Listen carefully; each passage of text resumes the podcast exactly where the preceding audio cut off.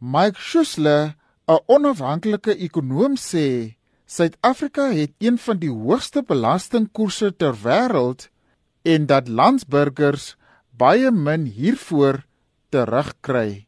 Ons ons kyk na die totale belasting in Suid-Afrika, het ons werklik waar een van die hoogste belastingkoerse ter wêreld. Of uh, nie koerse net nie.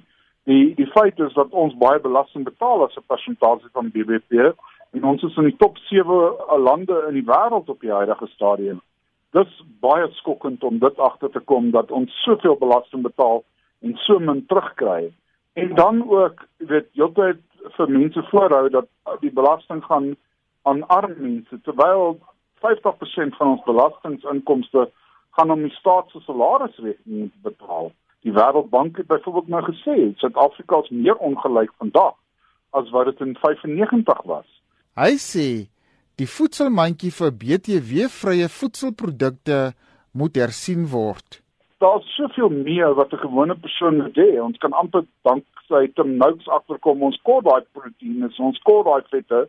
En in Suid-Afrika weet ons dat hoender byvoorbeeld een van die produkte is wat baie arm mense, meeste Suid-Afrikaners eet. Ek dink dis iets wat ons kan opsit baie eenvoudig alle hoenderprodukte, ander vleissoorte, miskien 'n paar goedkoop visse soos hyk ons boot weier te kyk dit as net ook voedselgoed, miskien 'n paar basiese medisyne. Meeste lande, ryk lande, sit nie BTW op skoolboeke en universiteitsboeke nie. Sit nie BTW op medisyne nie.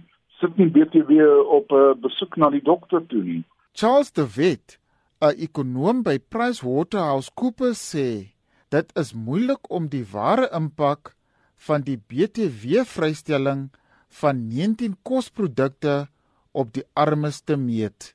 Hy uit 'n belastingbeleidsoogpunt uit is dit eintlik 'n baie moeilike debat want vir vir belastingdoeleindes wil jy eintlik soveel of so eerder so min uitsonderings hê as as as moontlik want enige uitsondering veroorsaak meer vrae, meer definisieprobleme, meer uh, probleme rondom die implementasie daarvan en dis hoe hoe kom jy dit sou wil beperk so so ver as as moontlik.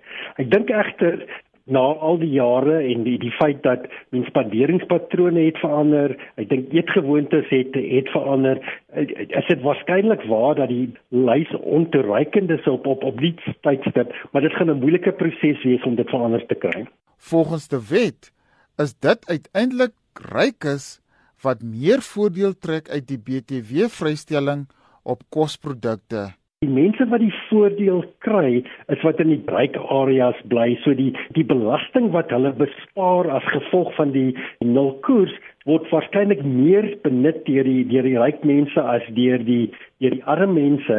Da, min, dit is ook waar dat die die regte maatstaf is eintlik om te kyk na die na die persentasie van spandering vir die persentasie van uh, spandering op daai spesifieke uh, item wat plaasvind as 'n persentasie van van totale inkomste, maar die die probleem met 'n nulkoers item, dit dit die persoon bereik wat dit die nodigste het.